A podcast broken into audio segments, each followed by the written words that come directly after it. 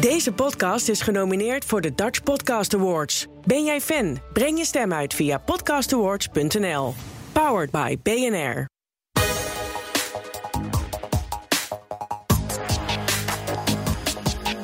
Welkom bij de 62e aflevering van CryptoCast. En die wordt mede mogelijk gemaakt door bitonic.nl, bitmymoney.com en Ik zit hier met tegenover me Herbert Blankenstein. Hoi Boris. Hi, naast me Madelon Vos. Hallo Boris. En onze gast vandaag, jawel, hij is terug, Thomas Bolle. Thomas, welkom. Dankjewel. Ja, je was hier. He's eh, back. ja, je was een hier jaar bij- geleden. Een jaar geleden inderdaad, ja. Je bent eh, natuurlijk bekend eh, van Follow the Money. eh, waar je schrijft over monetaire hervorming. En eh, we hebben een podcast gedaan twee jaar geleden met jou. En het eindigde en toen begon je eigenlijk even in vijf minuten te vertellen waar geld vandaan komt. Ja. komt hoe inflatie werkt. En toen was het uur erop en we hadden zoiets van wow, we moeten Thomas een keer terugvragen. Ja. Dus bij deze. Nou, Super cool. Dus daar gaan we het vandaag over hebben. keer per jaar. Eén keer per jaar. Niet vaker. Ehm, wij gaan beginnen met nieuws vandaag. En eh, dat is niet makkelijk, want er is ontzettend veel gebeurd. Ehm, eh, ja, de, de, eh, Madelon wij- verwijst me op de podcast awards. Maar we hebben natuurlijk die hele fantastische intro gehad van eh, Roos Abelman. Die, eh, die oproept om te stemmen voor de podcast Ja, awards. natuurlijk. Bij deze nog een keertje. Wij zijn genomineerd voor de Podcast Awards. Ga naar www.podcastawards.nl. Stem op ehm, de Cryptocast. En klik dan vervolgens helemaal onderaan Oh ja. het formulier op Ja. breng je stem uit. Want anders heb je niet daadwerkelijk gestemd. Ja, dat is een beetje verwarrend. Maar ik hoorde dat meer mensen daarover vielen. Dus Ja. zo dom was het niet. De grap Ja. is, als je gaat stemmen, dan mag je stemmen in alle categorieën. Ja. ja, Niet iedereen snapt dat, niet iedereen weet dat. Maar je mag dus in elke categorie, hoeft niet, maar in elke categorie mag je een stem uitbrengen. Jouw favoriete podcast. En dan moet je inderdaad aan het eind moet je dat hele zaakje definitief maken. En daarna krijg je nog een mail. Dan moet En je weer klikken in de mail ja. om dat te bevestigen.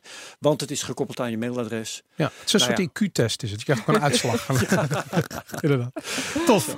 Jongens, laten we beginnen met het nieuws. Ehm, eh, iets wat we vorige week schandelijk over het hoofd hebben gezien. We hebben het niet over het hoofd gezien, maar we hebben het gewoon niet behandeld. We zijn niet aan toegekomen.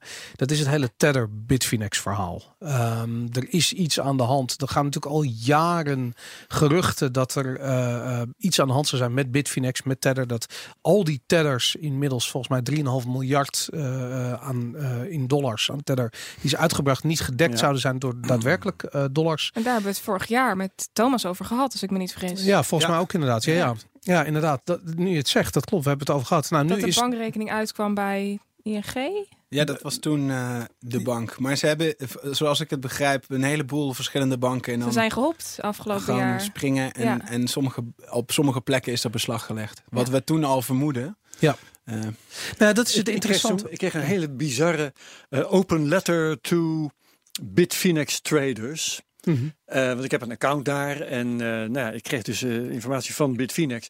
En dat, de, die inhoud was echt te bizar voor woorden. In mijn eigen woorden naverteld kwam het erop neer. mensen denken dat wij 850 miljoen kwijt zijn. Dus we zijn het helemaal niet kwijt. Het moet ergens liggen. In Polen of... eh, en we vinden het nog wel. Ja. Wees er gerust op.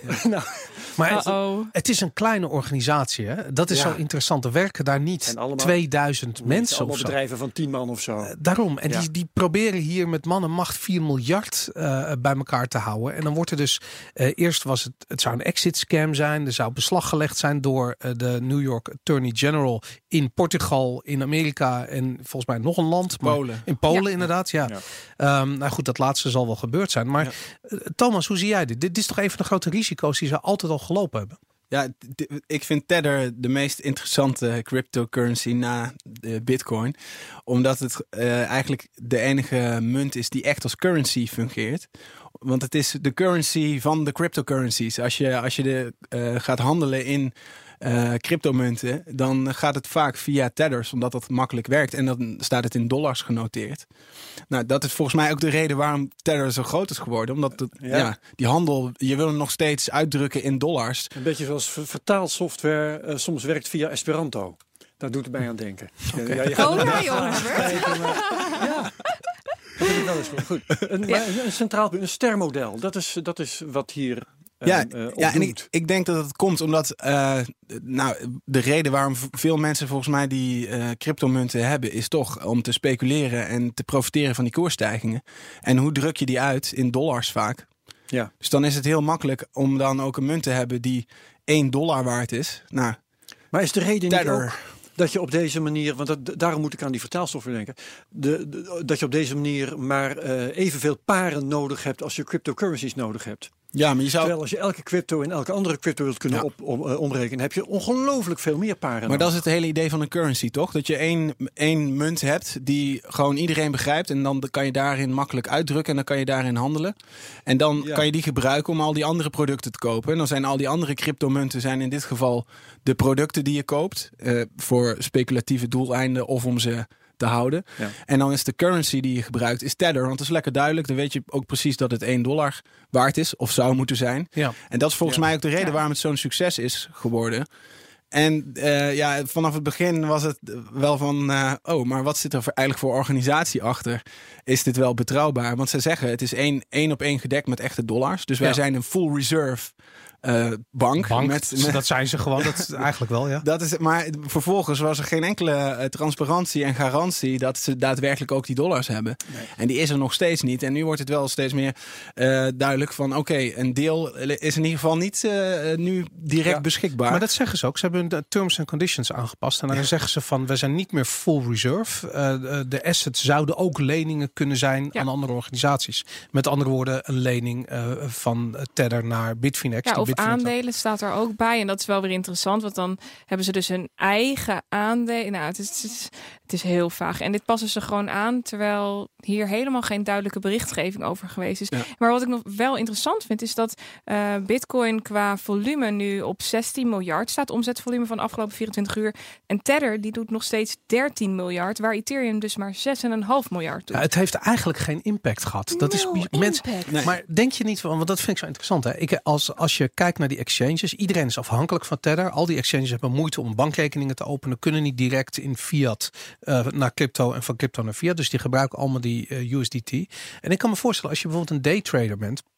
En je hebt zoiets van, nou, wat is nou het risico dat Tether vandaag omvalt? Als ik denk van, nou, ik ga een paar duizend euro verdienen op mijn trade vandaag. Dan gebruik je die Tether en dan maakt het niet uit verder. En ik denk dat die Tether, dat Tether volume, dat is, eh, dat, dat zijn daytraders. De- Ik bedoel, niemand gaat zijn, gaat zijn kapitaal opslaan Denk je in dat het USDT. volume echt is? Nou, dat, dat, nee, maar eigenlijk doet dat er niet zo heel veel dat toe. vraag ik me af. Nee, maar natuurlijk is het niet echt. Maar het, het, het doet er op zich niet toe. Weet je, kijk, of dat volume, dat volume is wel echt. Alleen het zijn kopers en verkopers. Dat kunnen dezelfde partij zijn. En we weten al 95% van de hele crypto eh, eh, trading scene bestaat uit wash trading. Mhm. En dat daar Tether voor wordt gebruikt. Ja, dat is logisch, omdat er niks anders voorhanden is.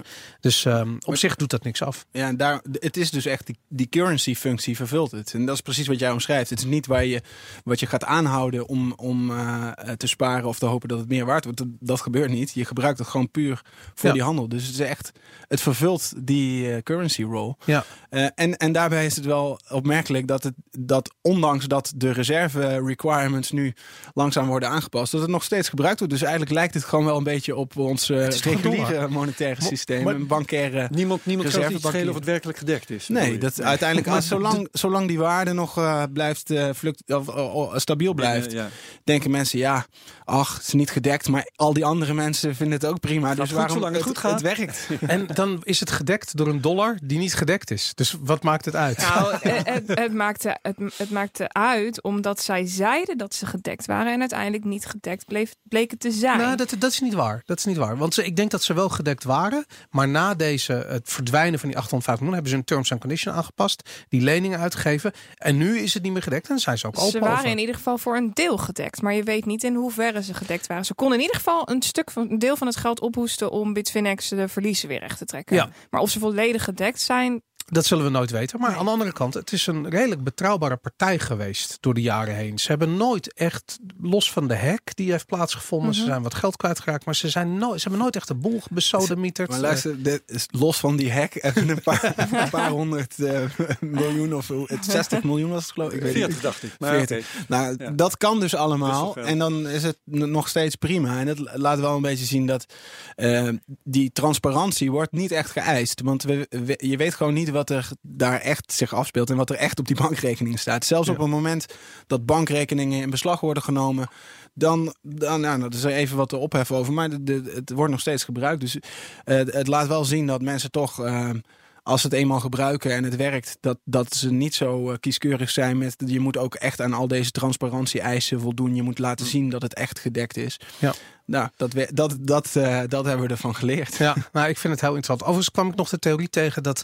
eh, kijk, wat zij natuurlijk doen, zij verkopen die tether eh, voor echte dollars. Dat is hun businessmodel. Mhm. En wat er gebeurt is dat als paniek uitbreekt in Bitcoin, dan wordt, eh, gaat iedereen naar tether, gaat de prijs van tether omhoog. En omgekeerd ook. De, de prijs van tether wil ongeveer 10% fluctueren. Dus dat betekent dat soms tether wel 93 cent waard is, bijvoorbeeld. Ja. Nou, op dat ogenblik kan Bitfinex, die is kapitaalkrachtig genoeg om op dat moment gewoon heel erg veel tether weer op te kopen. En die prijs weer naar 1 dollar te krijgen. Maar dat mag toch eigenlijk helemaal niet? Ja, mag, mag. Dat is wat een New York eh, Attorney General nu vindt. Maar ehm, in principe, ze hebben dat gewoon gedaan. En dat is natuurlijk een gouden business. Je kunt je Ja. eigen product met korting Meer terugkopen en weer, meer, en weer verkopen. En dat Ja. gaat oneindig door. En Het dat is, is, het is heel lucratief. het is heel lucratief. Ja. het, is, het is wel, dat, dat was toen ook eh, in die artikelen die we, die we vorig jaar eh, daarover schreven.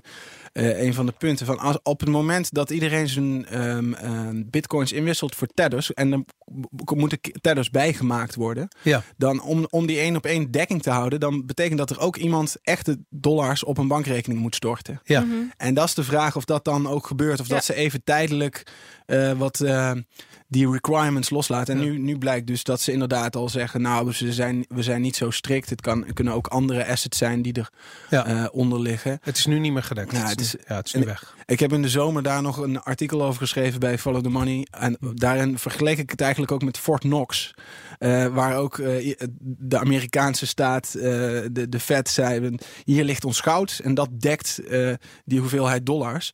En dat er toch wel steeds meer twijfel begon te ontstaan... of dat goud daar ook echt lag. En dat niemand mocht gaan checken of er, of er daadwerkelijk dat goud lag. Dat is een beetje zoals zo? ook nu eh, te werk gaat. Heel interessant. En eh, Boris, nog even terug naar eh de CoinMarketCap. Ehm, want als we kijken naar Tether, zien we dus dat hij het ene hoogste volume heeft na, op Bitcoin na. Ja. Maar Bitfinex is van CoinMarketCap afgehaald. Oh, Heb je dat waar? meegekregen? Nee, dat heb ik niet meegekregen. Ehm, ja, het is, volgens mij is dat afgelopen week gebeurd. En ehm, die is dus niet meer te zien. En waarom is dat? Ehm, nou, CoinMarketCap zou het blijkbaar niet oké vinden hoe de beleidsvoering van Tether op dit moment Bizar. vormgegeven wordt. Oké, ik gebruik eh, CoinMarketCap niet meer. Ik gebruik eh, Live Coin Watch. Staat hij en daar nog wel? On-Chain FX. Daar staan ze nog wel op. En dat, eh, daar kun je ook wat meer je exchanges en je dingen kiezen. En het is gewoon een iets completere Mhm. data dan eh CoinMarketCap. Maar CoinMarketCap is nog steeds een van de grootste, meest bezocht financiële websites die er is. De reguliere financiële website. Als Ja. ik me niet vergis, staat hij op plek 7 of 8 van alle financiële sites. Ja. Ehm, en het feit dat die er nu af is gehaald, vind ik wel weer. ehm, Uh, het Ja. he- volgens mij heeft het te maken dat in de, in de dagen na de paniek eh, de prijs van Bitcoin, daar zat een premium op Ja, bij Bitfinex. klopt. Dus die was, die was al over de 6000 heen. Terwijl eh, op andere exchanges die nog rond de 5800 dollar eh zweefden. Eh, en dat, is, dat was toen in Korea ook. Dan halen ze dat weg dat om eigenlijk dat vertekenende beeld weg te krijgen. Nou ja, dat is het risico wat in de prijs wordt berekend natuurlijk. Daarom zit er een premium op. En dat zouden ze nog steeds kunnen laten zien. Ik vind dan niet dat je die er direct af hoeft te halen. Je zou ook de marges even wat kunnen veranderen. De percentages bijvoorbeeld. Ja, of je de keuze geven om het aan of uit te zetten. Zoiets. Maar ja, aan de andere kant, ik snap dat CoinMarketCap al op het moment dat je zo'n grote site bent, dat ze een soort verantwoordelijkheid voelen. En als er dan één partij eigenlijk de, de data vertekent, dat ze dan zeggen van nou laten we het maar weghalen. Dat, eh, maar goed. Nou, ik, weet- ik weet niet of ik, het, of ik het helemaal eerlijk vind. Maar goed, eh, in ieder geval coin, op CoinMarketCap is Bitfinex niet meer eh, te vinden. Oké, ik heb een eh, nieuwtje en dat is best wel een nieuwswaardig. En ik ben ook heel erg benieuwd wat Thomas daarvan vindt. Er is afgelopen week een meeting geweest van de FATF, de Financial Authority, Financial Action Task Force. Volgens mij gasten zitten in, in Parijs. En die hebben nieuwe regels voor crypto en voor bitcoin uitgegeven. En ze hebben een voorstel gedaan. Meestal worden die voorstellen wel, eh, wel opgevolgd. En wat zij nu zeggen, en het is nog niet helemaal in de mainstream media opgepakt, eh opvallend genoeg, maar enkele aanwezigen hebben op LinkedIn al de, eh, dit verhaal verspreid. Ehm, ze hebben gezegd dat zometeen exchanges en custodial partijen verplicht worden om niet alleen KYC te doen op hun klanten, maar ook KYC, KYC te doen. Know your customer, dus al je de, de klantendata te verzamelen van de partijen, van de adressen waar naartoe over wordt gemaakt. Dus om je voorbeeld geven. Je hebt een, uh, een hoeveelheid bitcoin staan bij een bepaalde partij bijvoorbeeld. Uh, dat is een custodial wallet, dus niet je eigen wallet, custodial wallet. En je wil overmaken naar je opa bijvoorbeeld, ik zeg maar wat. Of naar iemand die je kent. Die persoon moet op dat ogenblik zijn e-mailadres of zijn, zijn crypto-adres laten registreren met een kopie van zijn paspoort Wow. bij de partij.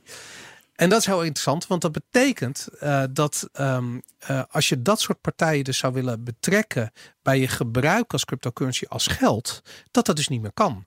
Want cashgeld kun je betalen aan iedereen. Uh, daar hoef je niet eerst ja. een kopie van een paspoort naar de Nederlandse bank op te sturen. Ja. Met crypto gaat dat nu dus veranderen. En als je dan wil sturen naar een non-custodian wallet?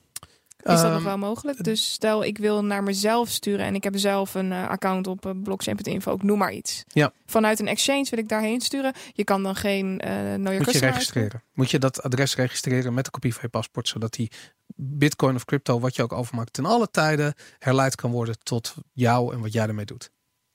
Dus dan krijg je een nieuwe vorm van transacties. Dan het, wat, maakt ik, ik kan het wordt niet sneller niet, op zo. Ik kan er me bijna even niet... Uh... Nou, de gevolgen zijn heel groot. Ja. Thomas, wat, als je dat hoort, wat denk je wat dat betekent bijvoorbeeld voor het gebruik van um, Lightning Network of van Bitcoin als uh, means of exchange?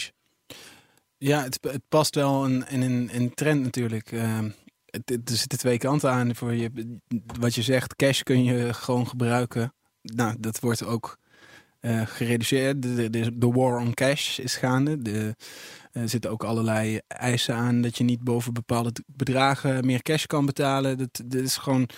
Um, ja, er is een strijd gaande waar, waar twee kanten aan zitten. Aan de ene kant heb je privacy. Nou, die, die is er dus niet meer. Aan de andere kant heb je natuurlijk wel um, dat banken ook. Uh, uh, nu steeds meer verplicht worden toch wel om uh, te gaan toezien op al het witwassen. En daar is dit dan, uh, ja, daar, daar, kan je cryptomunten dan voor gaan gebruiken om, om die reguliere systemen te gaan omzeilen. En dus vanuit dat oogpunt begrijp ik de beweegreden dat je zegt ik wil weten wie erachter zit.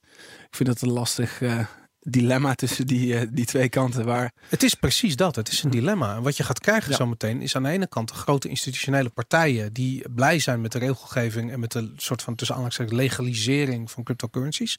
Aan de andere kant ga je de cowboys krijgen die eigenlijk Bitcoin gebouwd hebben, die zoiets hebben van nee, we gaan een privacy laag toevoegen en uh, veel succes met je uh, regelgeving.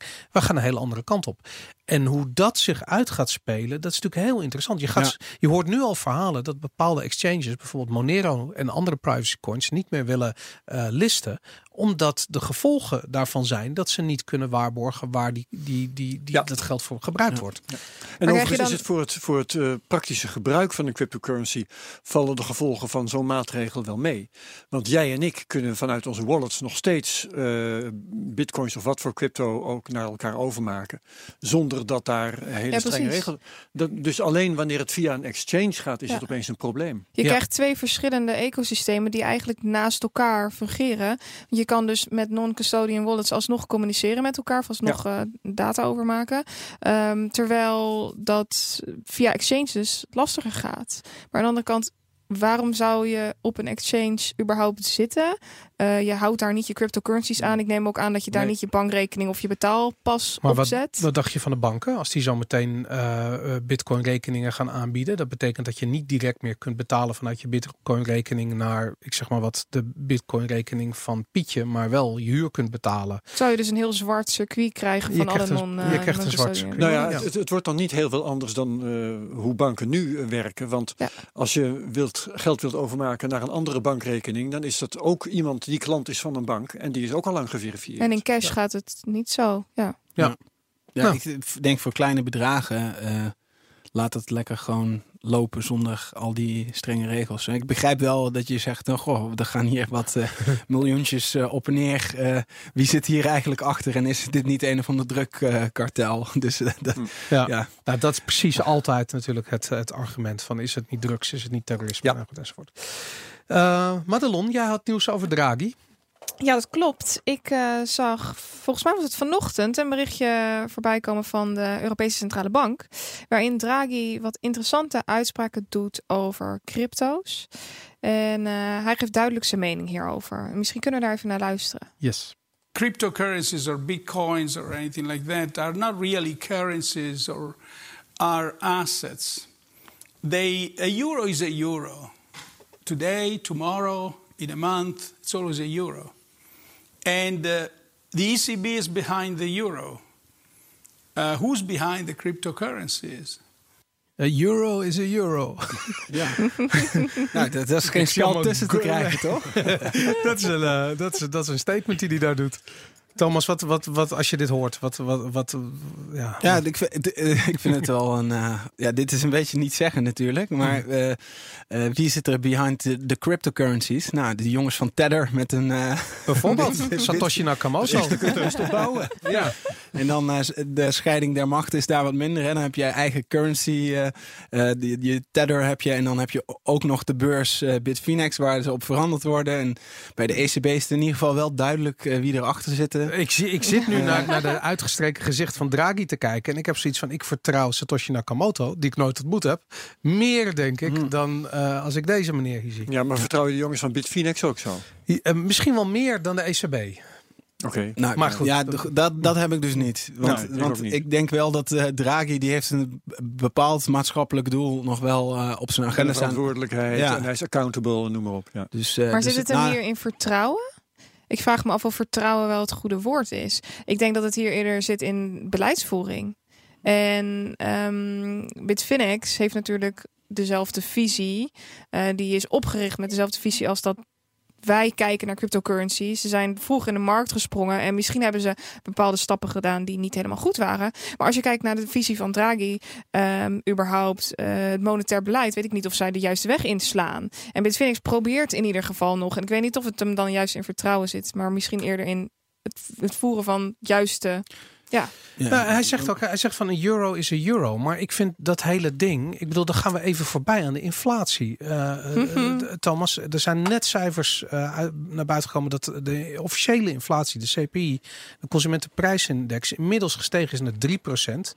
Dat betekent dat volgens Shadow Statistics komen we nu richting de 10% eh, eh, werkelijke inflatie in Nederland. Als je alles meetelt, de dingen die uit het boodschappenmandje gaat, zoals de huizenprijzen en benzine en dat soort dingen, wat allemaal meestijgt. ja, misschien moet je dat even goed uitleggen. Want ik merk, ik merk veel dat mensen eigenlijk helemaal geen idee hebben hoe dat precies werkt. Zou jij dat kunnen uitleggen, Thomas? Wat inflatie is. Ja. Ja, überhaupt het inflatiemandje, dus de. CPI-berekening. Ja, inflatie is eigenlijk gewoon de, de- dus de prijsinflatie is de stijging van prijzen. En dat is waar we naar kijken. Ehm, alleen niet alles telt mee. Mhm. En daardoor ehm, eh, is, kan je dus eh, eh, kan de ECB heel lang zeggen dat er geen inflatie is, want zij sturen op een, op een bepaald mandje waarin bijvoorbeeld de huizenprijzen zitten daar dan niet in. En, Maar de kosten voor het lenen wel, en die zijn dus goedkoper geworden. ja, en, en olie wordt dan brandstofprijzen worden niet meegerekend. Jullie, Aandelenkoersen. eh, Jullie hebben de, doen de suggestie eigenlijk dat dat in- officiële inflatiecijfer zo wordt gestuurd dat het lager uitkomt dan. Het ene jaar telt een bepaald product wel mee en het andere jaar niet. Het kan ook nog weer verschillen. Dus dat is een beetje vreemd. En als je kijkt naar ben jij hoe... het daarmee eens, Thomas? Nou, het, het- het klopt dat er verschillende manieren zijn om naar inflatie te kijken. En ehm, de, kijk, wat de, de grotere discussie gaat erover: is het monetair beleid wat nu wordt gevoerd, is dat eh, het juiste beleid? En met welk doel wordt dat gevoerd? En Ja. het officiële doel is de inflatie omhoog brengen. En ehm, daar kijken we dus naar een heel beperkt inflatiecijfer. En ehm, de, ondertussen is er heel veel inflatie, want asset Ja. prices, eh, bubbels in de, in Maar de zou ik zeggen, dan zouden ze een, zou Draghi een incentive moeten hebben om die huizenprijzen en de benzineprijzen en andere dingen die dat inflatiecijfer opkrikken, om dat er wel in te verwerken.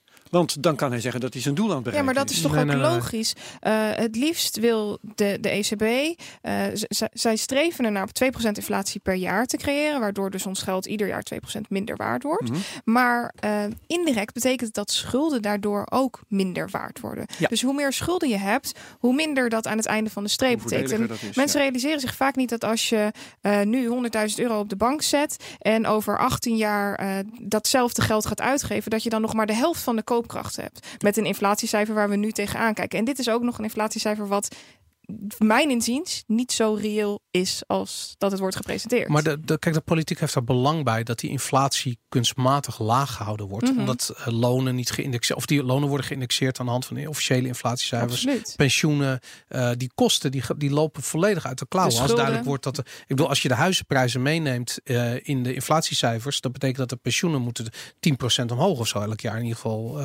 als je de Amsterdamse huizenprijzen bekijkt. Ja. Maar daarom heb ik zoiets van ja, dat, dat eh, inflatie is een heel ge- ingewikkeld onderwerp. En eh, eh, Draghi zegt hier zonder er ook maar bij te glimlachen: a euro is a euro is a euro today, tomorrow, next month. Dus niet. Het is gewoon, het vertegenwoordigt een koopkracht vandaag van 1 euro en morgen van 95 cent of zoiets. En Ja. dat, ja, dat, dus dat kan zo zijn, inderdaad. Maar het hele idee van dat ze dat, die inflatie nastreven en dat, dat het 2% is, dat is een beetje arbitrair gekozen. Maar goed, eh, je moet iets kiezen, dus dat is dan 2%. Maar het, het, het idee is eigenlijk, we willen vooral geen deflatie. Want dan gaat iedereen op zijn geld zitten. Dat is als, als het geld morgen meer waard is dan vandaag. Hè, omdat de prijzen juist dalen. En dan gaat iedereen eh, sparen, blijft op zijn geld Dat zitten. zou ook een reden zijn om het inflatiecijfer hoger voor te stellen dan het werkelijk is. Want eh, deflatie is vooral een idee, hè? het is heel Ja. gradueel, maar op een gegeven moment ga je door die nul heen en dan gaat iedereen gillen, oh deflatie. Ja, en dan, dan kan er paniek ontstaan en, en, en dan gaat de economie op slot. Want Dus als, dat zou een incentive zijn om eh, het inflatiecijfer op te pompen. Maar op dit moment is er dus relatief veel inflatie en werkt het niet zoals dat wij het willen hebben. Want ze zeggen dat het heel goed gaat met de economie. Maar als je daadwerkelijk gaat, gaat kijken naar de cijfers, dan valt het nog best wel mee.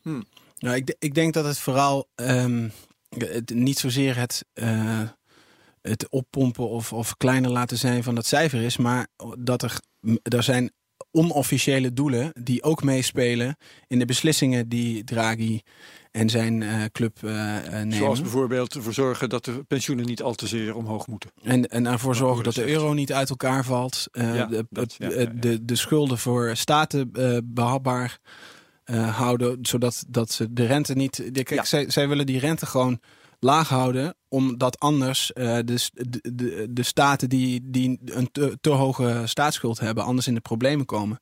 En op dit moment, als, als de rente nu omhoog gaat. Dan is dat, er een probleem. dat zou je namelijk moeten doen als je zegt, nou, de inflatie is nu op het pijl waar we, waar we het willen hebben en nu wordt die hoger. Dan moet, je- moet je de rente gaan verhogen. Nou, dat dat, kan dat kan op dit moment niet, omdat we gewoon een hele hoge schuldenberg hebben. Ja, ja, ja. Dus we zitten een beetje, eh, d- Draghi en, dus, en, en zijn eh, eh. ECB, en die, zit- die zitten een beetje vast in een, in een systeem wat ze hebben gecreëerd. En ze kunnen eigenlijk maar één kant uit. Dus daarom is het ook interessant te, naar te kijken van zijn er andere mogelijkheden of gaan we nu En die ene kant die ze uit kunnen is de rente op nul de rente laag houden? Ja. Ja. En Of wat denk je van. Precies, wat denk Ja. je van negatieve rente? Ja, want daar, daar hebben we het van tevoren heeft Moeten we dan Boris... voor dat die, die, Laten we dat heel even, ja, laten we dat heel even bewaren tot, tot na de eh, eh, prijsanalyse. Want ik, ik heb nog een hele lijst nieuws. Maar een ik, nieuwtje hoor. ik, ik wil eigenlijk stoppen met het nieuws, want we zijn al eh, Oh. bijna een half uur bezig. En er is nog zoveel nieuws te bespreken. Maar goed, dan gaan we volgende week, eh, ehm, eh, kunnen we daar ook nog verder op inhaken. Ehm, we zijn door de magische 6000 dollar grens heen gegaan, ehm Madelon. Komen we nu bij de prijsanalyse? We komen bij de prijsanalyse. En ik ben heel erg benieuwd of jij ehm, eh, ons kan vertellen of we uit de bear market, de beermarkt of de berenmarkt De zijn. berenmarkt. En, en wat, wat was het in het Engels, Boris? Jij mag het nog even. Het is de bearmarkt in het Engels, maar jij zei steeds beermarkt. Beer- ik, ik, mag geen, ik mag geen beer meer zeggen. We Maar hebben ik dus een dacht dus in mailtje over gehad Nederland dat het beer was van beren. Dat dacht Maar ik ook. En dat heb je volgens mij zelfs Blijkbaar een uitgelegd. berenmarkt. Bear betekent beer, dat klopt wel. Ja, Ja. maar dat vol- betekent volgens mij weer zegt, In zegt het Nederlands is het de beren, niet, Ja. niet bier. Dus eh, voor Nee, de ja. duidelijkheid, de berenmarkt. een negatieve markt. Precies, berenmarkt. Ehm, ja, dat klopt, Boris. Ik heb een hele sterke eh, weerstandslijn rond de 6600 dollar. Eh, en dat is de laatste. En mochten we daar... Ja, de, de laatste Oké. richting... eh, Richting nou, wat? Ja, even eens. kijken. Waar, waar zitten we dan? Rond de 11.000? Maar hoe zie je dat dan? Er staat er een bordje van... eh, Daar, Ja. daar staat een, een heel strak lijntje die eh 1, 2, 3, 4, 5, 6, 7 keer als eh, steunlijn gebruikt is. Ja. En dat is een hele sterke weerstandslijn. Ik verwacht ook niet dat we daar heel snel overheen breken. Maar mochten we daar uitbreken, dan eh, Is the sky the limit? ja. Hey, en eh, over die berenmarkt, hè? Is de, ehm, wat hebben we nodig om zeker te weten dat het voorbij is? Wanneer, zou, wanneer heb jij zoiets van, oké, nu is het klaar? Nou, wanneer het volume omhoog gaat. En ik zie nu nog dat het volume afloopt, al eh, sinds halverwege april. Daarnaast loopt de RSI nog af. Zitten we relatief hoog uh, op de RSI, dus boven de 75. En dat houdt in dat er dus heel erg veel gekocht is in een bepaalde periode. En als er dus veel gekocht is, noem je dat overbought. En daar zitten we dus nu. Um, wat ook niet heel erg positief is. Ik wil heel graag uh, grote volume spikes zien. En dat zie ik nog niet. Het lijkt wel alsof er één of twee of drie mensen zijn die telkens een beetje aan het pushen zijn. Dat kunnen grote institutionele partijen zijn die een bepaalde impact hebben op de grafiek. Mm -hmm. uh, dat kan ik hier niet uithalen. Maar um, ja, ik ben eigenlijk um, verrast over het feit dat we zo rap omhoog gaan. Ja. En die 6000 is de grens. Als we daar uitbreken, dan kun, kan je officieel zeggen, nou, dit is. Uh... Dan zijn we. En als, als we hier blijven gedurende pak een beet uh, een maand. Oh, we kunnen, we kunnen hier heel lang blijven bungelen. Het kan tot, uh, tot eind augustus zijwaarts gaan of nog weer een beetje naar beneden. Ja. Ehm, maar voor nu, ja, ik ben een stuk positiever dan vorige week. Zeker. Okay. Ja, Ondanks dat het een verdubbeling sinds december en over ja. uh, anderhalfvoudiging sinds ja. wat is het uh, twee maanden geleden. Maar ja, we komen natuurlijk van ver, dus er is een bol gebeurd. Ja. Maar hou er wel rekening mee, het volume loopt dus nog steeds af en de koers loopt op, terwijl het volume juist de koers zou moeten bevestigen of de trend zou moeten bevestigen, zullen ze dat zeggen. Ja. En dat de RSI dus heel erg hoog hangt en dat het de laatste keer zo was in uh, 2017, oktober 2017. Dat was een uh, best wel bijzonder moment, dat oktober een, 2017. een heel bijzonder dat was het begin van een gigantische rally. Uh, ja, dat was bijna, even kijken wanneer zaten we op de top, december zaten we op de top. Ja. Nou, mooi. Dus ja. dat zou. Uh, nou goed, oké. Okay, dat, dat, nee, dat gaan we zien. Nee, nee, Boris. Kun, kun, je, kun je nog iets zinnigs zeggen over de, de loskoppeling van altcoins en bitcoin? Die prijzen? Uh, dan pak ik eventjes de coin market cap erbij of ik daar nu iets interessants aan zie. Uh, bitcoin die stijgt nu 2,5% ongeveer. En over het algemeen zien we best wel veel dalers. Uh, wat ik wel interessant vind, zelfs met meer dan 3%. Um, dus het, het, begint er een beetje op te lijken dat de altcoins. Normaliter is het zo dat er een alt-season vooraf gaat aan een boelmarkt. Of althans, dat is wat we gewend zijn. Um, maar dat hebben we dit keer helemaal niet gezien. Oké. Okay. En dat is eigenlijk wat ik nu kan concluderen. Ja, het is heel lastig in te schatten omdat die altcoin-markt nog zo jong is. Uh, ICO's zijn zo jong. En we zien nu heel duidelijk dat Bitcoin stijgt en de altcoins niet. Dus op dit moment is het het beste om in Bitcoin te, een te blijven. Die misschien wel plaatsvindt. Wellicht zou er een loskoppeling kunnen plaatsvinden, maar daar kan ik nu op dit moment uh, qua historische data niks over zeggen. En korte termijn? Wat gaat Bitcoin doen? Uh, korte termijn, pak hem er even bij. Ja, die, die, die weerstandslijn op 6000 is, is wel heel, uh, heel sterk. Kan nog iets terug. Maar we zijn er doorheen, toch? Vanochtend was, zaten we op 6000 dollar. Ja, we 86. zitten nu op uh, 6003. En ik heb mijn weerstandslijn op 6070 ongeveer uh, zitten. Oké. Okay. Um, ja, vandaag, voor de goede orde, is 9 mei. 9 mei. En hij, ja. hij, zou zelfs nog iets hoger kunnen naar 6170. En wat denk je uh, volgende week? Hoger of lager? Ik uh, verwacht lager. Oké. Okay. Interessant. Nou, mooi. Uh, Herbert, jij hebt een update over de, je dollar cost average aankoop van 100 dollar ja, in de week. Nou ja, dat uh, ligt voor de hand wat ik daarover te zeggen heb. Ik sta in de plus. En je hebt alles verkocht. Uh, Virtueel. Het is allemaal fictief, dus nee, nee, nee. De bedoeling is dat ik op een dag als, als um, uh, laten we zeggen, als ik 100% in de plus sta of iets dergelijks. 100%? Dat ik dan ga, ja. Dat is nogal wat rendement. Ja, maar dat zijn we bij Bitcoin wel vaker tegengekomen. Dus dat moet een, keer, moet een keer gebeuren. Dan ga ik microcashen en dan ga ik jullie daarvan op de hoogte houden. Maar dat is op, op dit moment niet aan de orde. Maar op de huidige, ik heb net een koers, ge, hij is alweer wat gezakt zie ik, maar ik heb net een koers genoteerd van 6078.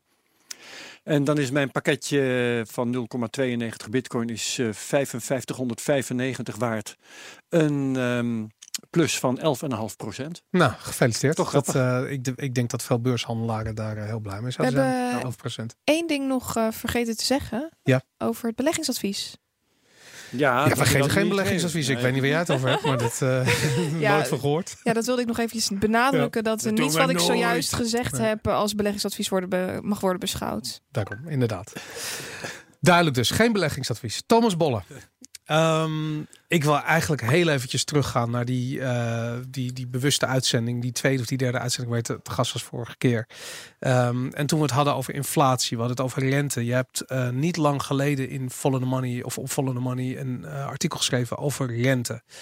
Um, zou je misschien voor mensen die dat niet weten, en ik weet dat Herbert en ik daar ook een discussie over hebben gehad met George van Hout in de tijd in de uitzending, Mhm. mm. even kunnen uitleggen waar geld vandaan komt, hoe rente en inflatie daar een rol in spelen. Even, Even, even. even, Even even, heel een paar minuten. We hebben wel Drie even. minuten. Ja. Ja. Nou, Tijd gaat nu in. ik de- ik denk dat vooral eh, als je, als je over geld praat, dan praten we over economie. Want geld vervult een hele belangrijke rol als smeermiddel van onze economie. Ehm, als, je de, als je eigenlijk die. Wat, wat zijn de twee vraagstukken die spelen daarin? Is aan de ene kant hoe kunnen we ervoor zorgen dat we zoveel mogelijk produceren en dat dat eh, eh, lekker loopt. Dus dat we eh, productief bezig zijn, dingen doen die goederen en diensten opleveren waar we met z'n allen wat aan hebben. En aan de andere kant, hoe verdelen we dan eh, al die opbrengsten? Wie mag, wie mag de, de vruchten van die productie plukken? En geld eh, vervult eigenlijk een, een, een, een hele belangrijke, essentiële rol in, in beide vraagstukken. Want het zorgt ervoor dat de economie loopt, zodat we met z'n allen dus kunnen produceren. En dat kunnen we op een effectieve eh, manier doen. En dat kan ook op een hele inefficiënte en eh, niet eh, effectieve manier, waar, dat je allerlei crisis doorgaat en dat soort zaken. En die, in die verdeling speelt het ook een hele belangrijke rol. Want ja, wie heeft het geld? Die heeft toch wel een beetje een machtspositie. En die kan ook vaak de prijs zetten. Ehm, en en dat, dat zijn eigenlijk de twee grote vraagstukken. Ehm, in, in de economie waar, waar, waar ik denk dat, dat we ook over moeten, waar we over moeten praten als we het praten over wat is het, eh, het geldstelsel wat, wat we graag willen hebben met z'n allen. En die discussie wordt dus ook veel te weinig eh, gevoerd. En in de politiek praten we eigenlijk eh, helemaal niet over wat, wat zit erachter. Waarom hebben we het geldstelsel zo ingericht zoals we het nu hebben? En hoe hebben we dat dan ingericht? Wat, wat, wat, ik bedoel, George van Hout die was hier, die zei al het geld is schuld. Als alle schulden op dit ogenblik op de hele wereld worden afbetaald, dan is er geen geld meer. Ja, we, we- ons, ons geldsysteem op dit moment is, is gebaseerd op, op eh, dubbelzijdig boekhouden. Eh, private banken creëren het overgrote deel van ons geld. En dat is eigenlijk historisch heel uitzonderlijk. Want het is altijd een, belangrijke rol geweest, ook voor de staat, in het creëren van geld. Maar op dit moment zijn het private banken die op het moment dat ze een lening verstrekken, dan creëren ze nieuw geld. Ja. En eh, het is dus niet zo, dat is echt een misvatting, dat ze bestaand geld van andere mensen opnieuw uitlenen. Van spaarrekeningen uitlenen. Ja. Dat, dat is niet het model. Zij kunnen eh, eigenlijk eh, ja, altijd nieuw geld creëren Ja. door een lening te verstrekken. En het boekhoud, boekhoud- boekhoudkundige argument daarvoor dat dat mag, is, eh, neem ik aan, eh, dat ze eh, geld creëren aan de pluskant. Aan de minkant ontstaat een schuld, een gat als het ware. En samen is dat nul, dus er is niks gebeurd. Ja, en voor de, voor de bank is het dus aan, op de bank is, het- is die lening die ze verstrekt hebben, is een bezitting. Want dat is een belofte dat die ooit weer terugbetaald wordt. Ja, En, en, Ja. en de andere kant van de balans op de. Eh, daar, daar wordt een schuld eh eh, bijgeschreven. Dus, dus eigenlijk die deposit van de klant, die het geld op zijn bankrekening heeft staan, is een liability van, van de bank. Want, Ja. Maar dat betekent dus, dus eigenlijk is het zo dat, dat want ik zeg een, een, een stapel geld en aan de andere kant een gat. Maar op een andere manier bekeken is het voor allebei, er zijn, zijn twee partijen er beter van geworden. De een heeft gewoon geld en de ander heeft iets wat geld waard is, Ja. namelijk die schuld. Ja, dus het is het, en wat dat betreft, hè, daarom, daarom zeggen soms mensen geld komt uit het niets. Hè, daar, daar bedoelen ze dit mee. Van het is Komt niet. twee keer uit het Je niets. kunt het gewoon creëren. En Nou, Ja. Bij Tether zie je dat ook weer. Hè. Dat. Je creëert gewoon een nieuwe munt. En, en zolang mensen dat, dat willen gebruiken, dan, dan, dan werkt het ook. En je hebt. ehm, nou, je kan dus allerlei eh, soorten geld hebben. Hm. En ehm, in het verleden is het vaak zo geweest dat een overheid een belangrijke rol eh, speelde. Want een, een overheid kan, eh, die heeft vertrouwen van de mensen, tenminste een goede overheid. En die, die die kan ook belastingen innen met, in, die- in die currency. Dus dat zorgt ervoor dat er vertrouwen in zo'n munt ontstaat. Dat is een, een, een schuldensysteem. Ehm, en je hebt ook vaak gezien dat, er een, dat we een ander soort geldsysteem hadden. Dat eh, bijvoorbeeld goud of zilver eh, op, op, op die manier ehm, eh, de rol vervulde van currency. En daar heb je veel minder eh, een, een overheid of een centrale partij nodig die eh, de, de waarde daarvan eh, eigenlijk bekrachtigt. Ja. Eh, omdat je dan gewoon je vertrouwt op, op dat metaal wat schaars is. De En- intrinsieke waarde. ja, dat, dat, dat is dan de intrinsieke waarde. Maar het is Mhm. eigenlijk de schaarste van, eh, van zo'n zo'n metaal. En daardoor heeft eh, eh, goud en zilver ook vaak dienst gedaan als, als currency. En dat is dan ook, dan werkt het ook goed als er bijvoorbeeld veel oorlog is en niemand elkaar vertrouwt en je die overheden ook niet meer kan vertrouwen. Dan kan je gewoon vertrouwen op het metaal, want het is daar, dat kan je niet veranderen. fysiek. Het is fysiek. De Dus dat werkt. is het er nog steeds. Ja. Ja. En, maar je vroeg eigenlijk naar rente. Hè? Want ja, rente. Want, wat, wat is de rol van rente bij de creatie van geld? Ja, het, het, het idee van rente is gewoon een beloning voor mensen die het geld hebben. En die zeggen, jij, jij, jij wil graag mijn geld hebben om iets te gaan ondernemen bijvoorbeeld. Eh, dan wil ik het aan jou eh, ter beschikking stellen. Maar ja, dan kan ik het zelf niet gebruiken. Dus daar wil ik een vergoeding voor.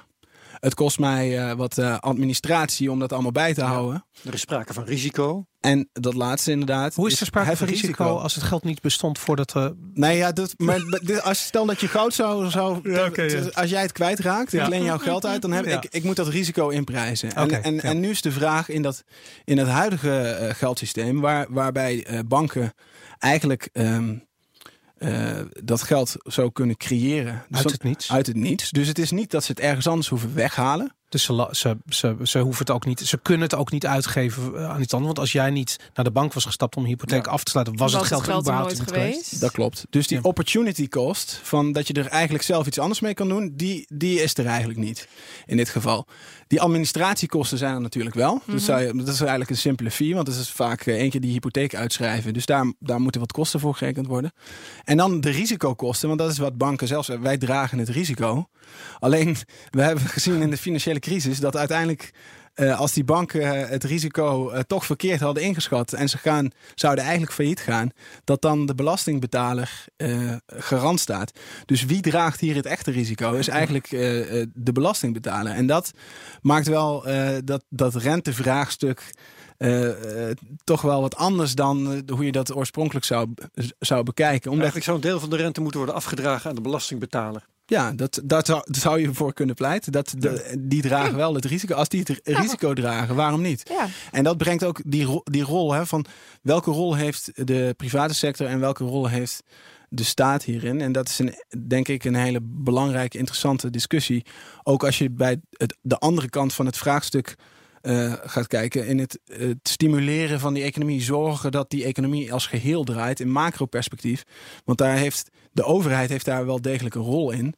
En ja, die, die private partij die zal vooral naar zichzelf eh, kijken. Want die heeft toch vooral zijn eigen aandeelhouders als eh, eh, belangrijkste stakeholder. Absoluut. En ehm, met, met rente, dat, dat is nog ook wel iets historisch. Ehm, eigenlijk altijd ehm, is de overheid of een soort van overheid, vaak de kerk, hè, die, die vervulde vroeger ook zo'n rol. Of eh, in religieuze systemen. Dat, eh, je ziet het niet alleen in de islam, want daar is nog steeds rente verboden. Maar ook in de christelijke religie was, was rente echt wel iets waar, eh, waar de kerk van zei, dat daar moeten we voor waken dat dat niet eh, te groot wordt. ging Want, op de brandstapel. want dat wordt woeker, woekerrente. Ja. En dat heeft met dat verdelingsvraagstuk te maken. Omdat, omdat als je, als je eh, als, het ongelijk, als de, de bezittingen ongelijk verdeeld zijn, dan ontstaan er machtsposities. En degene die de macht heeft, ja, die, kan, die kan de prijs bepalen. Want die andere partij is, is vaak afhankelijk. Kijk, als je niks hebt en je moet, je wil iets, ja, dan, dan moet je wel die rente betalen die die andere partij eh, daarvoor vraagt. En zo ontstonden de woekerrentes. En dan krijg je uitbuiting. Dus dan krijg je geld met geld verdienen. Dan doe je zelf niks. Dan draag je niet bij aan de economie. Maar eis je wel een ehm, onevenredig deel van de opbrengst van die economische productiviteit op. Ja. Hey, en dan nog even de, de, de rol van de centrale bank. Eh, die bepaalt eigenlijk de, de, de hoogte of de laagte van de rente. En op het moment dat die rente naar beneden gaat, komen er dus meer mensen naar de bank toe en zeggen van ik wil graag een lening afsluiten. Eh, eh, kan dat? Want, ge- want het is goedkoop, je betaalt minder terug. Dus komt er meer geld in de economie. Dus stimuleert dat de economie. Dat is eigenlijk de gedachtegang. Ja, dat is eh, de gedachtegang. En daar zit. eh, daar, ja, daar kom je op een heel. Want dan kan bij inflatie aan. daar kom ja. En de, jij noemde net nog eh George van Houts in jullie discussie. Dat Ja. wil ik nog even beantwoorden. Daar wordt in die geldcreatie wordt vaak gezegd: er wordt geld ge- eh, geschapen door een lening Ja. te verstrekken. Maar de rent, het geld om de rente te betalen wordt niet eh, gemaakt Ja. op dat moment. En daardoor is er altijd te weinig geld. En dan moeten we Ja. steeds meer geld krijgen. Ja, dat, Is dat waar? dat volgens mij eh, het- klopt dat niet. En Is, dat is mij nog nooit door iemand goed uitgelegd. Maar het is als al het geld wat uitgeleend is, X is. En het geld moet terug worden betaald met Nee. procent rente. Dan is, waar komt ei dan vandaan? Dat klopt. Maar dat is niet eh, de realiteit. Want het geld moet niet allemaal tegelijk terugbetaald worden. We zitten in dat systeem en je moet altijd een klein beetje terugbetalen. En dat geld wat dan terugbetaald wordt, vloeit ook weer terug de economie in. Dus het is meer. Eh, wiskundig kan dat, zolang je niet inderdaad naar de situatie overgaat dat alles in één keer terugbetaald moet worden. En dat, daar zitten we niet in. Dus het is veel meer dat je zegt: is het reëel dat er zoveel eh, van de economische activiteit terechtkomt bij de, de verstrekker, de, Ja. crea- de creator van het geld, wat een private bank is? Ja. Of zou dat eigenlijk, als je het afweegt tegen hoeveel waarde dat bijdraagt aan het geheel, eh, een, een minder moeten zijn? Maar dan, dan nog eventjes... Goed, dan- de centrale bank wil. ja, wil die, die, die, die, hoe die, die geldcreatie zorgt voor aan de ene kant het aanwakkeren van de economie. En aan de andere kant zorgt voor inflatie. Met Ja. andere woorden, het geld wat mensen hebben, gepensioneerden, weet ik veel, op een, op een spaarrekening bestaan, dat wordt in koopkracht minder waard, omdat er meer euro's komen, relatief gezien. Ehm, je zou kunnen zeggen, er wordt waarde van de spaarders afgenomen om de economie te stimuleren. Of om er iets anders mee te doen. Maar in ieder geval, dat, dat, hoe kijk je daar tegenaan? Ja. Ja, dat is denk ik ook nu de realiteit met die, met die lage rente. Doordat de ECB eh, die rente nu heel laag houdt, om eigenlijk eh, partijen die, die te veel hebben geleend, oh, hè, daar kun je over discussiëren wat te veel is. Maar Mhm. Ja. in- normaal, volgens de, de geldende wetten, is te veel als je eigenlijk de rente niet meer kan betalen. Mhm. En daar hebben we een aantal eh, landen zelfs in de problemen gezien. Eh, bedrijven in de problemen, banken in de problemen. En de ECB kon op dat moment, dat moment eigenlijk niet, niet anders dan zeggen: Oké, wij moeten hier gaan ingrijpen, want anders gaan er eh, landen omvallen. Dan gaan er eh, banken omvallen. Want de- als Griekenland bijvoorbeeld was omgevallen, dan waren Franse en Duitse banken omgevallen. Dan hadden, hadden de Duitse en, en de Franse overheden problemen. Dat was gewoon één groot domino-effect geworden. Dus hebben ze die rente verlaagd. Maar dat is niet zonder gevolgen. Want in Nederland hebben we bijvoorbeeld heel eh, veel gespaard. Al die pensioenpotten, Ja. ja. al, die, al die gepensioneerden krijgen nu geen indexatie. Die, die zien hun pensioengeld eigenlijk ehm, niet Dus renderen. die betalen, betalen de rekening uiteindelijk. Die betalen daarvoor. Ja, die betalen daarvoor. Maar mag ik je nog één ding voorleggen? En dat is iets wat ik hoorde op een gegeven moment. En dat kwam een beetje uit, uit, uit de Oostenrijkse schoolhoek. en dat, dat, dat zet me aan het denken. En eh, ik, ik, ik, laat ik zeggen, als je dit zegt, hè, van oké, er wordt, wordt eigenlijk waarde genomen van spaarders en gepensioneerden. en Weet ik wat. Ik vind het een beetje abstract. Maar iemand zei van op het moment dat je zeker weet dat je spaargeld op de lange termijn waarde vast is. Hè? Dus bijvoorbeeld je hebt goud of je hebt bitcoin of weet ik veel. Ik bedoel, eh, eh, dat soort assets waarin je weet dat op lange termijn is die waarde is, is redelijk vast.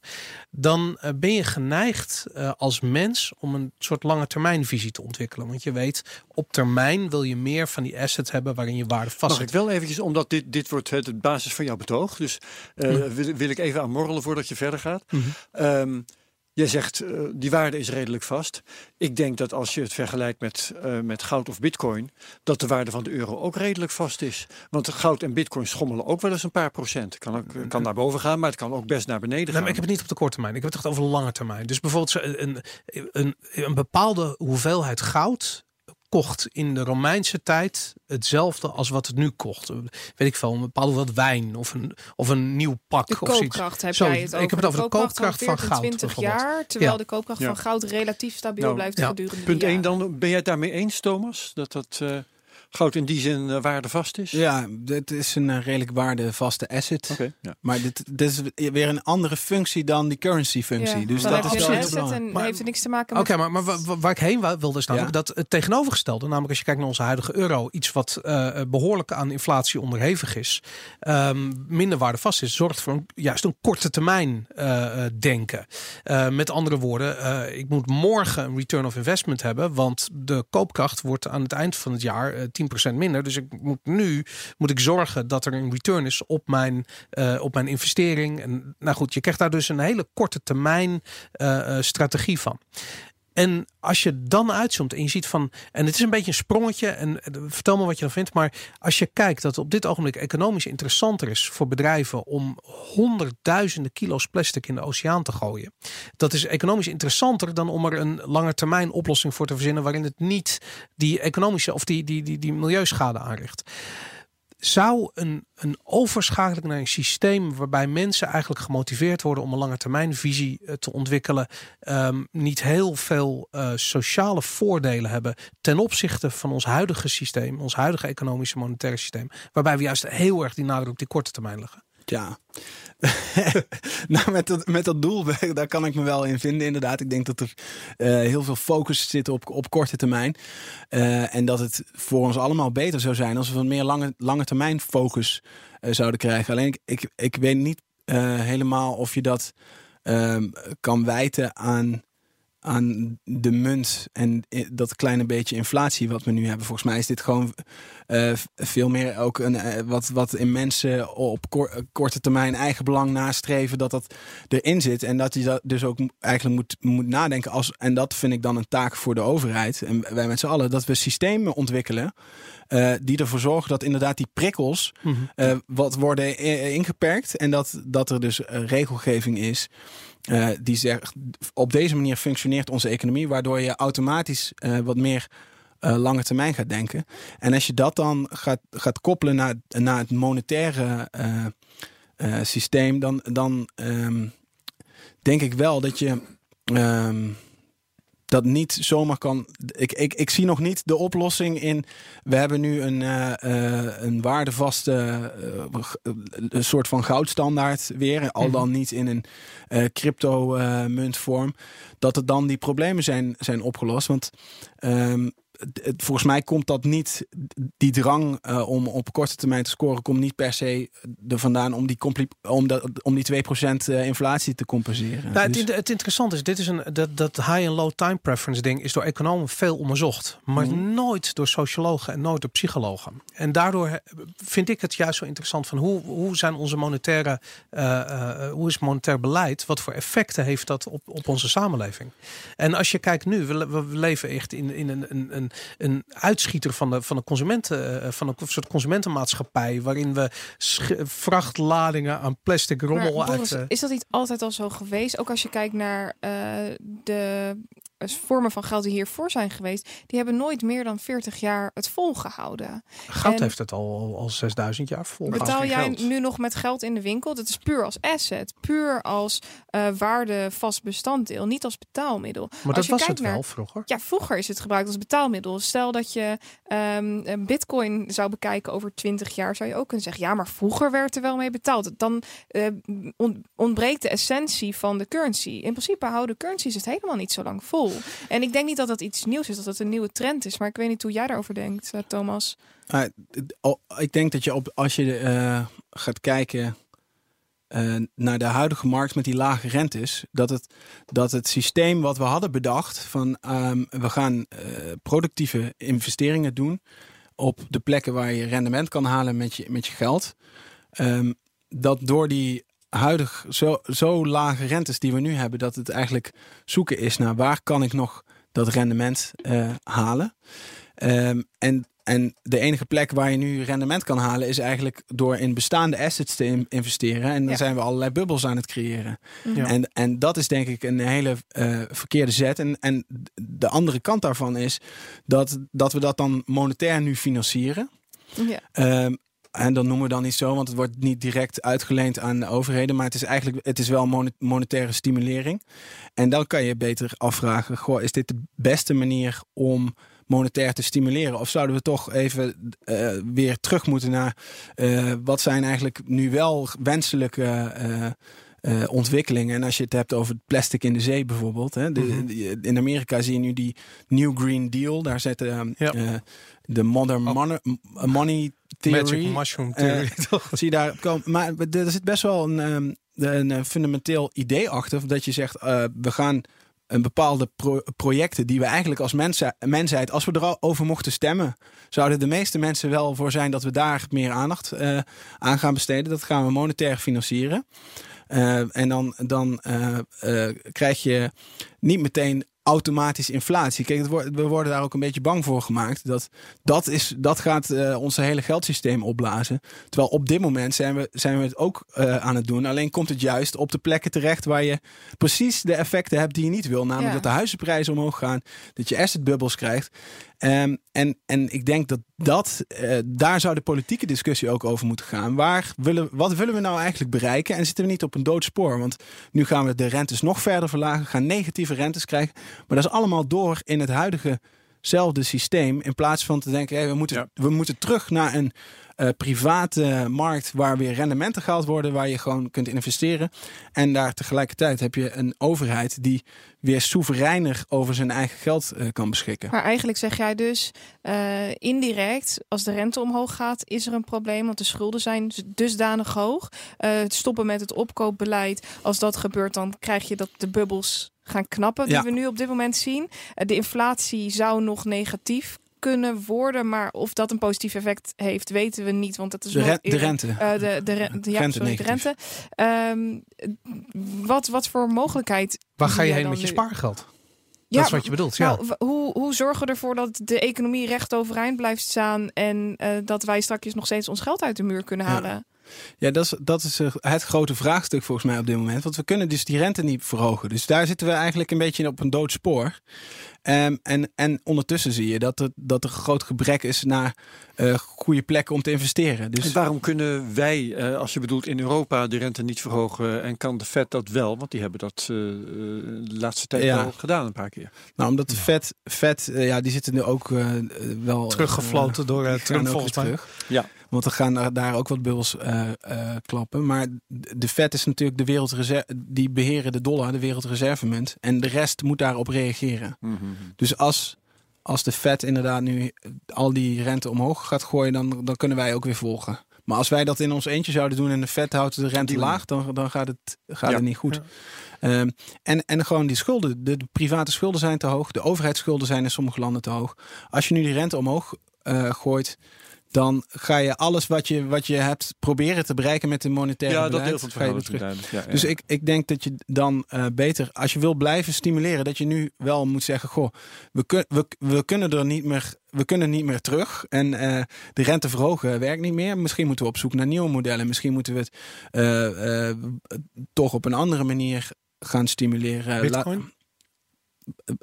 Zie jij, Hoe kom je daar nou bij? hoe hoe komen we nu Oh bij ja, dit? Wij kijken- Nou kijk, om, om, om, om, om eh, eh, Ma- Madelon vraagt van, hoe kunnen we zorgen dat, die, dat, dat de bol niet omver knalt? Weet je, dat, dat Hmm. en ik bedoel, ik hoor, volgens mij heb ik het jou horen zeggen, ik heb het Arno Wellens horen zeggen, ik heb Willem Middelkoop horen zeggen, ik hoor iedereen eigenlijk ook in de media zeggen van, er zit een gigantische nieuwe crisis aan te komen. Op het moment dat een van die dingen gebeurt, dus dat de rente omhoog gaat of dat het opkoopbeleid wordt gestopt. Nou nee, ik bedoel, ook, de, de, we zijn een gigantische bubbel aan het creëren. Dat, dat zijn we de afgelopen eh, eh, tien jaar, sinds 2008. eh, Accident in- waiting to happen. Daarom, dit, Ja. dit, dit, Mhm. dit gaat een keer Op zoek klappen. naar een aanleiding. Die... Wat, wat zou een, een soort van, van speltheorie model kunnen zijn waarbij we zouden kunnen overstappen naar iets wat eventueel wat veiliger is, waarin eh, we, we, we, we deze, deze ellende die op ons af zit te komen kunnen ontlopen? En kan Bitcoin of kunnen cryptocurrencies daar een rol in spelen? Ja, nou ik denk op verschillende manieren. Kijk, Bitcoin is op, op dit moment toch meer een wat Draghi, ook in, het, in de verder in die toespraak eh, wat je net liet horen zei,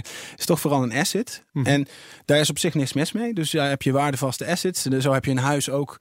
Hè, dat blijft toch je huis. Wat er ook met die waarde verder eh, gebeurt, uitgedrukt in euro's. Het is gewoon een, een asset. Dat is reëel.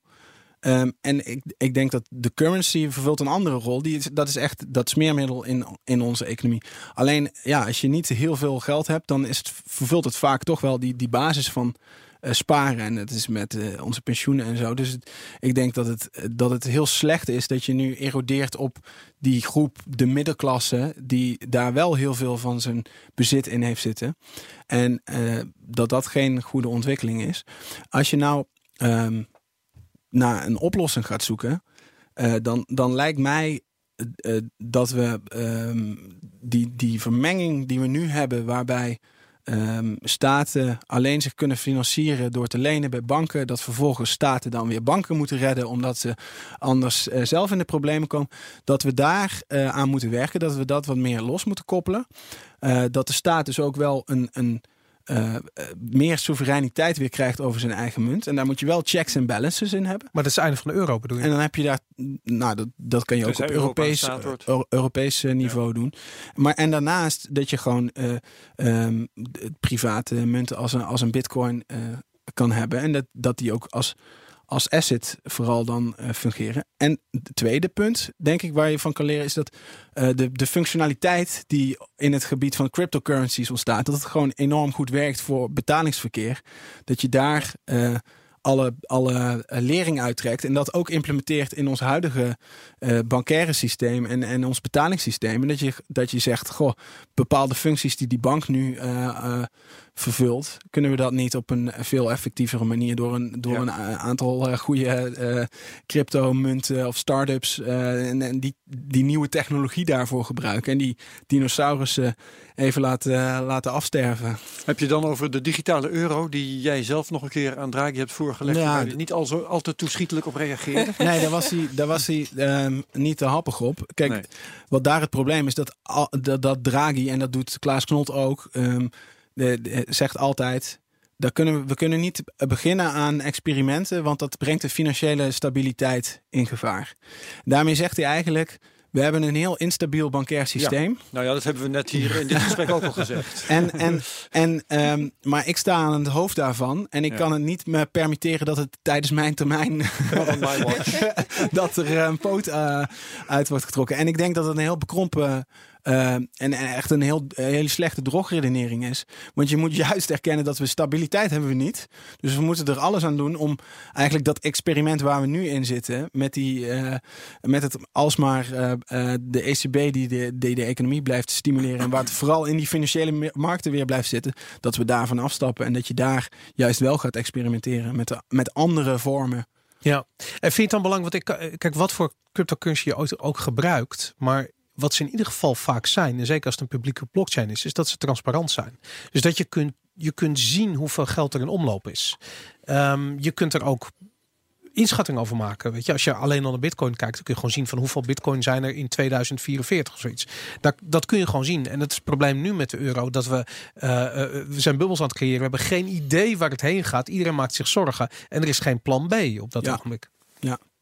Nou, ik, de- ik denk dat die transparantie gewenst is. En dat je dus al die technologie en die mogelijkheden om dat zo transparant te maken, dat je die moet gaan gebruiken. Ja. Alleen, het, het, het blijft die discussie. Hè. Heb je, heb je, eh, kan een munt helemaal losstaan van een staat? Ja. Of, of hebben wij toch nog wel vertrouwen in die staat als, als entiteit om ook Heb jij vertrouwen in de statusentiteit? nou, ik, ik denk wel dat we, ehm, dat we een staat ehm, nodig hebben om die checks en balances in het systeem te brengen. Kijk, dat gebeurt dus nu niet, eh, vaak niet op de, op de juiste manier. Er zitten allerlei eh weeffouten in dat systeem. Maar als je, als je, stel dat je helemaal eh, geen staat zou hebben, en je zou gewoon een munt hebben. eh, het is een private munt. Je krijgt accumulatie, je krijgt ongelijke machtsverhoudingen. Er is geen enkele vorm van overheid die daarop ingrijpt. Dan ga je gewoon woekerrentes krijgen. Zegt, zegt degene die, die veel heeft, zegt gewoon: jij mag het gebruiken, maar je, je gaat mij wel eh, 10, 12 procent Ja. afdragen. Ja, dat is, dat is niet eerlijk. Maar ja, ik heb, de, ik heb het geld, jij wil het hebben. En dan ga je automatisch ga je naar een, een alleenheerser die, die de macht heeft. En dan schakel je privaat bezit eigenlijk helemaal uit. Want het, het, het hele idee van privaat bezit, en daar geloof ik wel in, is dat iedereen over zijn eigen eh, stukje eigendom beschikt en daarmee kan doen en laten wat hij wil. Maar dat er dus wel een soort van eerlijkheid is en dat die uitbuiting, dat daar wel eh, perken aan, aan zitten. Ik, ik zie jou heel erg twijfelen. Dus aan de ene kant soort van die staat. En aan de andere kant soort van de, de, de, de, de soevereiniteit van, van de economische soevereiniteit van mensen. Die twee dingen bijten elkaar ergens ook. Ik bedoel, de uiterste, je hebt een extreem communistisch idee, wat misschien al in het verleden is aangetoond dat het niet werkt. Je hebt aan de ene kant het kapitalisme systeem waarvan we nu ook de uitwassen zien. Dat we zoiets hebben, ja, maar dat werkt ook niet helemaal. Ja. En we zijn met z'n allen zo zoekend naar waar dat heen gaat. Ja, Dat, precies. eh, ja. Dat komt bij mij ook voort uit, uit mijn eigen idealen. Kijk, ik, ik, ik heb vrijheid hoog in het vaandel staan. En ik ben ook al die eh, economische theorieën afgegaan. Hè, die Oostenrijkse school, meer Keynesiaans. eh, eh, al, al, gewoon begrijpen wat staat er nou eigenlijk, wat willen ze en, en wat willen ze bereiken. En eigenlijk, die idealen die verschillen niet zo heel veel. Ze willen allemaal dat, dat iedereen toch wel een, eh, fijn leven kan leiden en een, enige vrijheid heeft. Alleen dan is de vraag, hoe bereik je dat? Door geen enkele vorm van staat, regelgeving eh, en, en vrije markt. Hè? Maar de, de realiteit is dat je dan vaak, da- dan gaat het automatisch richting monopolies. En dan krijg je weer uitbuiting eh, door die monopolistische partijen. En die zijn vaak vrij eh, autoritair georganiseerd, Ja. dictatoriaal st- structuur. En dan denk ik van ja, dan, dan heb je dus toch een overheid nodig die daar die, die uitwassen daarvan impact. Alleen het gevaar is dat die overheid die wordt log. Er gaat ook eh, macht zich opstapelen. Dan krijg je ook eh, types die dan toch dat, dat publieke goed wat minder hoog in het vaandel hebben, die vooral naar hun vriendjes luisteren. En nu zitten we in een systeem waarbij je een ECB hebt, die zitten eh, met de publieke taak.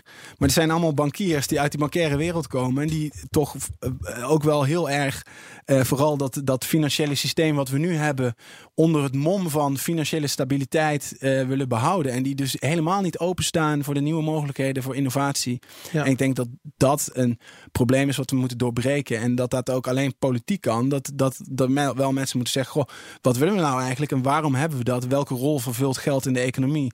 En moeten we daar eh, niet ook gewoon wat, wat eerlijker over zijn? Super. Ik vond het echt een fantastische podcast. Ik vind het echt heel erg leuk. Ja, Absoluut. super. Thomas, als eh, eh, mensen jou willen volgen, hoe kunnen ze jou vinden? Ehm, op Twitter, het MRT Bolle. Klinkt raar als mensen je volgen. en op, eh, ja, op mijn mijn artikelen staan allemaal op Follow the Money. Super. Dus, eh, En daar, kun, followthemoney.nl. daar kunnen mensen jou ook speciaal volgen. Ja, daar kun je auteurs van Follow the Money Ja. kun je Thomas aankruisen en dan krijg je al die stukken. Super. Nou, dit, ehm, eh, ik wil je heel erg bedanken voor je komst. Eh, ik vind het heel erg interessant. Eh, dit is voor mij een, een onderwerp wat me echt mateloos fascineert. Ehm, zo? ja. Als jullie eh, CryptoCast willen volgen, dan kan het op Twitter eh eh, apenstaart eh, at, of at CryptoCastNL. Eh, natuurlijk wil ik nog één keer oproepen om te stemmen op de Podcast Awards. www.podcastawards.nl. Stem op ons en druk op breng je stem uit. Herbert, Madelon, dank jullie wel Boris, voor je komst. Dankjewel, Ja, Boris. dit was CryptoCast 62.